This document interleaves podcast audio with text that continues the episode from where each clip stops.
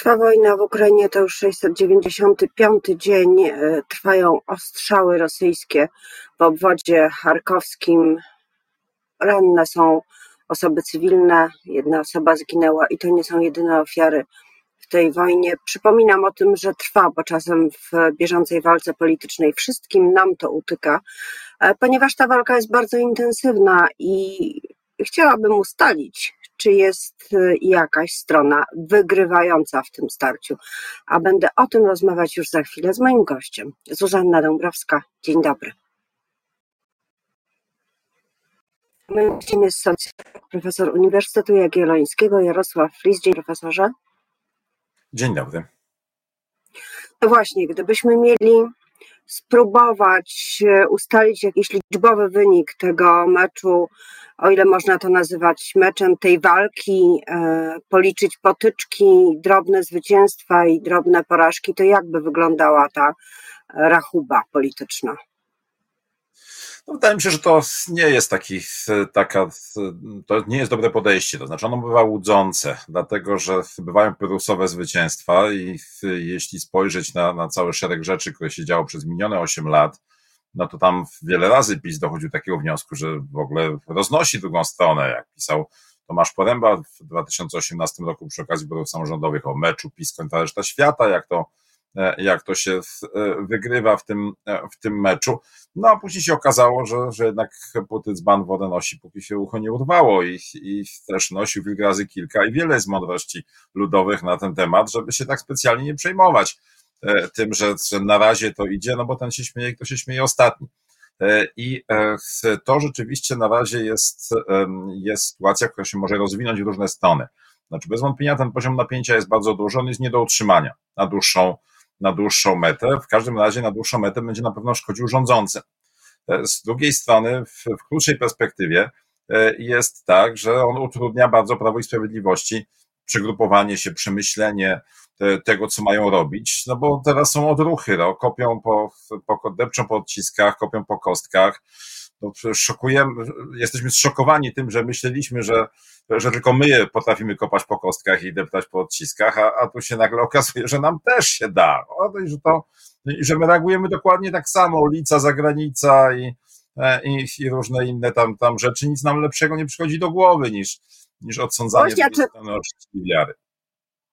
Czy te zasoby środków stosowanych można porównywać, bo pamiętamy w pierwszej, drugiej, tak można powiedzieć, kadencji Prawa i Sprawiedliwości, czyli po roku 2015, e, ten e, sposób działania opozycji, która wtedy stała się opozycją totalną, zresztą sama nie, nie dementowała specjalnie tego, tej nazwy, ale oczywiście też sobie się to podobało, starała się powstrzymać Prawo i Sprawiedliwość w pewnym sensie fizycznie, na przykład blokując mównicę przed tymi zamiarami, które PiS chciało e, zrealizować, co potem prowadziło do bardzo dużych naruszeń prawa.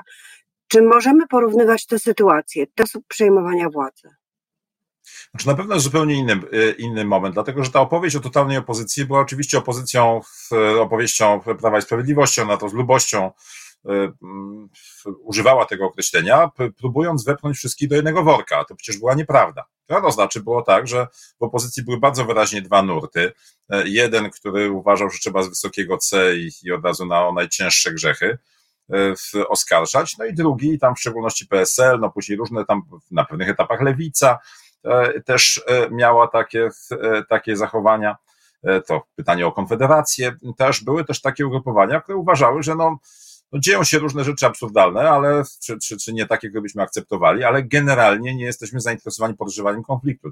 Tylko, że Prawo i Sprawiedliwość w ogóle nie było zainteresowane tym, żeby e, na to zwracać uwagę. Znaczy była podstawowa doktryna, jak Platforma coś mówi, no to robimy na odwrót, a jak coś PSL mówi, no to ignorujemy. No, to znaczy w ogóle nie, nie ma takiego, e, takiego bytu. Wszystkich wpychamy w ramiona Platformy, bo jesteśmy przekonani, e, że jesteśmy od niej silniejsi. Tutaj by się okazało, że to jednak tak nie działa. No, znaczy na dłuższą metę się tej, to, to fajnie się w to wierzyć, ale, ale przez moment, ale później się okazuje, że nagle nic, nie mamy żadnego pola manewru, nie potrafimy nic zrobić. No nagle po wyborach sobie przypomnieli, że przecież mamy, mamy tyle wspólnych wartości. No, to, to ciekawe, co przez poprzednie 8 lat tego nie zauważyli.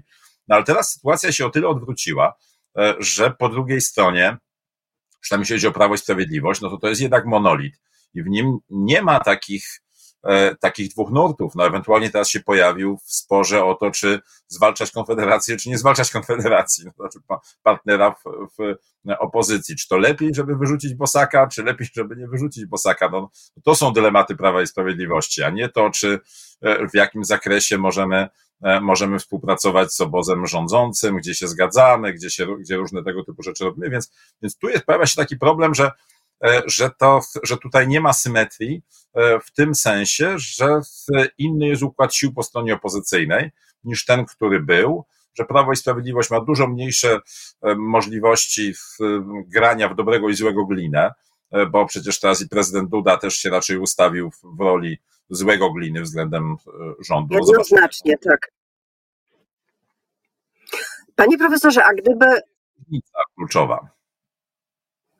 E, gdyby scharakteryzować te ostatnie pola konfliktu, e, które, z którymi mieliśmy do czynienia od e, wyborów, to który z nich, patrząc z punktu widzenia interesu państwa, jest najpoważniejszy? Czy to, co, to wszystko, co dotyczy kary więzienia dla byłych ministrów, polityków Prawa i Sprawiedliwości, Kamińskiego i Wąsika, czy y, media publiczne, sposób wymiany, wymiany kadr i w ogóle sposób przejęcia mediów publicznych, czy też jeszcze coś e, innego? Że wszystkie te, znaczy obie te sprawy, które na razie zostały ruszone, zostały, tak powiem, rozchwiane i teraz nie wiemy jeszcze, co, co z tego wyjdzie. To znaczy, czy to jest tak, że, e, że media publiczne po przejęciu będą kolejną kopią tego, co E, co e, robił Jacek Kurski, no to tak w takim duchu, jak, jak sam tam raz włączyłem i była dyskusja pomiędzy Nałęczem i Cimoszewiczem, no to to, no to jak tak ma wyglądać debata w Polsce, to, e, to i tak mają wyglądać trzymające jakąś równowagę media, no to, to nie rokuje to, nie, nie rokuje to dobrze. Natomiast no, teoretycznie można to wyprowadzić na taki, taki poziom, żeby, żeby to E, żeby tam można się było spotkać, żeby przynajmniej umiarkowane skrzydła mogły się spotkać tak, w tym, e, w tym miejscu. E, z drugiej, drugi problem jest jeszcze, być może chyba na dłuższą metę ważniejszy, to jest pytanie o, o różne instytucje państwa prawa, to znaczy w takim sensie sposobie rozstrzygania sposób, sposób, mm, sporów prawnych, no bo na razie jest tak, że najwyraźniej obydwie strony się całkowicie ignorują. Znaczy PiS był przekonany, że my możemy ignorować was, ale przecież my nie możecie, wy nie możecie ignorować nas. No nagle się okazało, że to w ogóle żaden problem, że Trybunał Konstytucyjny w upadłości, no bo chyba tak trzeba określić e, to e, ciało, w którym nie wiadomo, kto jest przewodniczącym i na, i na jakiej zasadzie wewnątrz ma problem, żeby się zebrać w, w jakimś przewidywalnym składzie no to, że on potrafi się zebrać tylko w jednym celu, to znaczy, żeby wydać oświadczenia wymierzone w nowy obóz rządzący i chroniące stan posiadania poprzedniego obozu rządzącego, że to jest w zasadzie jedyna rzecz, która jeszcze spaja e, ten obóz i, i w zasadzie no, te wyniki są przewidywalne do, e, do bólu. A że to w ogóle nie jest tak, że, że idziemy do Trybunału Konstytucyjnego i nie wiemy, co się tam zdarzy, bo różne racje będą roztrząsane. No tutaj sprawa jest prosta. No każdy wniosek Trybunału Konstytucyjnego ma przewidywalny, w, tym składzie ma absolutnie przewidywalny rezultat. No i to jest, to jest niebezpieczne. To znaczy, czy uda się odtworzyć takie instytucje prawne, co do których nie będzie e, jasne, co się zdarzy. No są pewne oznaki nadziei, no na przykład te, te wszystkie decyzje dotyczące wpisywania władz spółek w, w telewizji, no to widać, że to, że to nie jest tak, że, że, że wszystko z góry wiadomo, co, co tam się zdarzy. No i to jest pewna jaskółka nadziei. Mam nadzieję, że, że gdzieś dojdzie do jakiegoś takiego, patrząc z doświadczeń historycznych polskich, Sejmu Pacyfikacyjnego, na którym wszyscy powiedzą, no dobra, no nawrzucaliśmy sobie na wszystkie możliwe sposoby. No, na szczęście tym razem nie było, nie cieliśmy się szablami, ale no, już teraz czas te szable odłożyć, nawet, nawet jeśli tylko to są takie twitterowe e, szabelki i, i po prostu zastanowić się, jak to powinno być e, zorganizowane, tak, żeby przetrzymało kolejny ruch wahadła w przeciwną stronę. Myśli pan, że e, prezes Jarosław Kaczyński odłoży szable? Także? Zobaczymy to, prezes to może nie, ale zobaczymy, co zrobi tylny szereg PiS po wyborach samorządowych i europejskich. No już widać w tym momencie istotne zmiany, jak się spojrzy, no są takie, takie drobne szczegóły, ale jeśli ktoś porówna wypowiedzi teraz prezydenta Otwocka z Prawa i Sprawiedliwości z tymi, które były rok temu, kiedy Prawo i Sprawiedliwość e, zmieniał prawo wyborcze i tam robił różne działania, które głęboko wierzył, że mu pomogą. Oczywiście okazało się, że jest na odwrót. No i wtedy tamten poziom pewności siebie, przekonania, że Nazobów po prostu robi świetne rzeczy, a wy protestujecie, bo się w ogóle na niczym nie znacie i, i, i jesteście naszymi wrogami. No a teraz prezydent Otwocka ogłasza, że będzie jednak startował z bezpartyjnego komitetu, że nie można tak partii angażować w te samorządy, no ale, no ale to jest tak, że jak, jak jego partia wygrywała w 2019 roku z główną partią opozycyjną 3 do 2 w Otwocku, no to wtedy można było być pewnym siebie i, i wierzyć w to, że szyld partyjny jest, e, jest tutaj z kluczem do zwycięstwa. No jak w ostatnich wyborach już jest jeden do jednego, a jeszcze w dodatku tam e, o połowę, połowę z tego mają pozostałe partie z bloku rządzącego, no to już wtedy już wtedy tak trochę się nabiera pokory w stosunku do rzeczywistości. No i pytanie, czy tylne szeregi PiSu nabiorą pokory do rzeczywistości, czy będą dalej gonić za, za prezesem Kaczyńskim i jego opowieścią, że Donald Tusk jest, jest niemieckim agentem. No bo, bo na razie to można tak wnosić, że Prawo i Sprawiedliwość przegrało, dlatego że, Donald, że Jarosław Kaczyński nie dość dobitnie i, i często mówił, że Donald Tusk jest niemieckim agentem. No, no, no, no, no i dlatego jeszcze, że i dlatego jeszcze, że zrobił błąd dotyczący szefa Najwyższej Izby Kontroli. To chyba pierwszy raz od długiego czasu, kiedy prezes Jarosław Kaczyński przyznał się do błędu. Marian Banaś takim właśnie błędem prezesa jest. Ale chciałam też e, zapytać o taką koincydencję, e, która polega na tym, że Sejm uchwalił budżet. E, budżet przejdzie przez Senat bez poprawek i zostanie dostarczony panu prezydentowi do podpisu, e, a jednocześnie pan prezydent w Davos wypowiedział się, że nie ma mowy o przyspieszonych wyborach, nigdy nie było. No trochę się, mówiąc w skrócie, tutaj spieramy rzeczywiście, ale tych, tego, tej perspektywy przyspieszonych wyborów przecież nie ma i nie było. Ona się pojawiła dość szybko po wyborach 15 października no, jako y, pewien instrument y, bardzo głębokiej destabilizacji. Czy to była realna groźba i czy rzeczywiście można powiedzieć, że kończy się okres przejściowy wraz z uchwaleniem budżetu? Patrząc na sondaże z ostatniego tygodnia, nie ma wątpliwości, że przyspieszone wybory mogły być no, poważnym, jeszcze mocniejszym ciosem dla Prawa i Sprawiedliwości. W związku z czym to party na tym etapie e, doprowadzanie przez opozycję w, e, do przyspieszonych wyborów, no bo tak to trzeba byłoby rozumieć, że prezydent jako przedstawiciel opozycji rozwiązuje Sejm, no bo, bo innej opcji e, innej opcji na razie nie ma, znaczy no, obóz rządzący chyba też nie jest zainteresowany, żeby robić te przyspieszone wybory, ale na pewno mniej się boi niż posłowie z tylnych rzędów. To jest też taki moment. Nie po to posłowie wydawali pieniądze na kampanię wyborczą, żeby teraz zbierać nowe, no zwłaszcza, że możliwości zbierania pieniędzy teraz jakby się pokurczyły. A tych kolegów, którzy tam pracują w spółkach Skarbu Państwa i, i ułożą na partię z, e, jakiś tam haracz za zajmowanie stanowiska, no to ich ubywa z każdym dniem i E, I to na pewno nie jest, e, nie jest dobry pomysł z punktu widzenia opozycji, żeby grać tą kartą, bo, no bo to jest, to widać od razu, że to jest blef. To znaczy, że to, to wtedy blef nie działa, jak, e, jak wszyscy wiedzą, że, że, to, że na to nie ma nasz szans i mogą powiedzieć, no spróbujcie, no to zobaczymy, co się dzieje. Pomijając oczywiście mnóstwo różnych innych tam, tam rzeczy, niuansów takich organizacyjnych, że przed nami są dwie kampanie wyborcze. Wrzucanie jakby w ten kocioł jeszcze wyborów sejmowych, no to, to naprawdę byłoby trudne do e, ogarnięcia, co z tym wszystkim można by zrobić, co się może wydarzyć. I tak będą w najbliższym czasie wybory. Wszyscy będą mogli, jak to się mówi w polskiej polityce, policzyć szable, to zobaczyć, kto ma jakie poparcie, jak to, jak to idzie, komu służą te napięcia, konflikty, rozwiązania dyskusyjne, prawnie.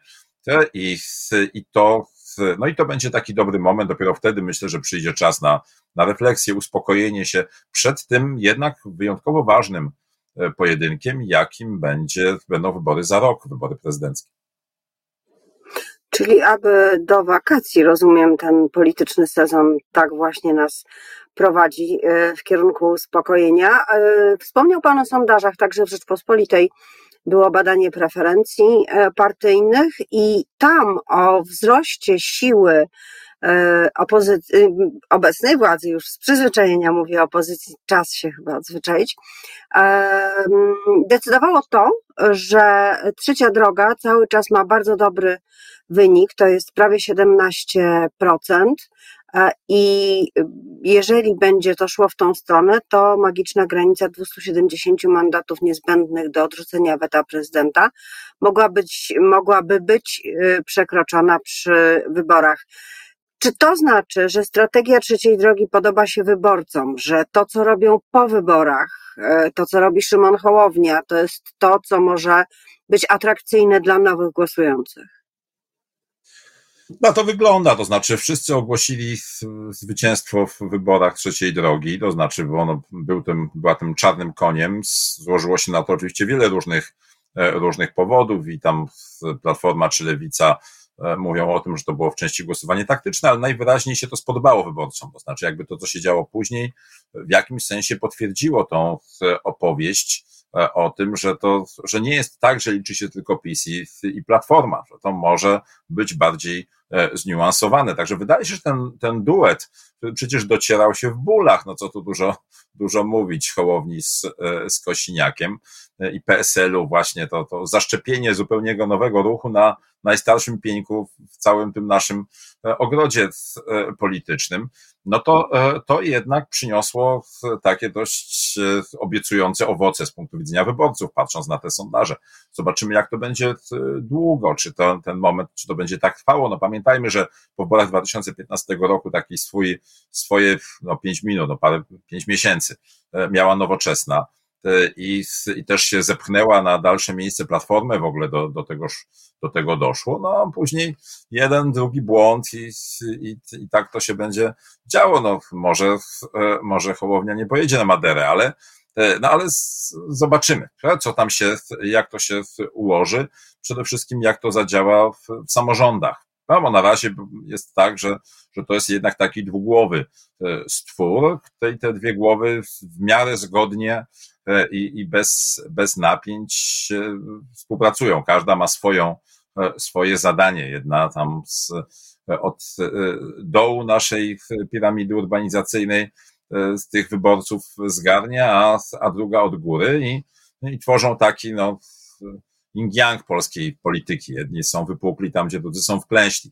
Trochę to, z czego zrezygnowała trochę wcześniej Platforma w relacjach z, z PSL-em, próbując go tam jakoś E, jakoś unowocześnić, no, czyli zrobić z niego też taką, e, takie swoje konserwatywne skrzydło, ale bardzo, e, bardzo bliskie. No i to, to, ale tutaj próbą będą wybory, wybory samorządowe i, i najciekawszą rzeczą będzie to, czy Prawo i Sprawiedliwość, chowając partyjne szyldy i jakby ograniczając swoje apetyty w wyborach przede wszystkim wójtów, burmistrzów i prezydentów, nie doprowadzi do takiej sytuacji, że walka się będzie toczyć jakby poza pisem. Bo do tej pory było tak, że zwłaszcza w największych miastach PiS był takim etatowym malkontentem. Było wiadomo, że wejdą do drugiej tury i wiadomo, że przegrają. E, to tak to e, mniej więcej wyglądało. Natomiast już zeszło, już no właśnie, już dwa lata temu wybory w Rudzie Śląskiej, która ma takie no, uśrednione mniej więcej wyniki, jeśli chodzi o Polskę, jeśli chodzi o poparcie partyjne, to nam pokazały, że kandydat PiSu nie wszedł do drugiej tury, że walka była pomiędzy dwoma innymi kandydatami, pomiędzy jednym popieranym przez Platformę, drugim przez Ruch Tak dla Polski, E, i na elektorat PiSu mógł sobie najwyżej wybrać, tak, którego, e, którego z nich e, wybierze, tak, ponieważ jego kandydat do drugiej tury nie wszedł. Pytanie, w ilu miastach w Polsce powtórzy się taka sytuacja w najbliższych wyborach, że zacznie się rywalizacja zupełnie inna niż do tej pory. Nie rywalizacja na linii PiS-PO, tylko rywalizacja w obrębie tych, którzy nie są PiSem. No właśnie, okoronowaniem tego mogą być wybory prezydenckie z kandydatem trzeciej drogi i koalicji obywatelskiej, ale to zostawmy sobie na następną rozmowę, bo i o samorządzie, i o wyborach prezydenckich będziemy przecież mówić coraz częściej. Bardzo dziękuję, panie profesorze. Dziękuję pięknie. Moim gościem był profesor Jarosław Flis, Uniwersytet Jagielloński. Życzę i panu, państwu bardzo miłego piątku. Do zobaczenia.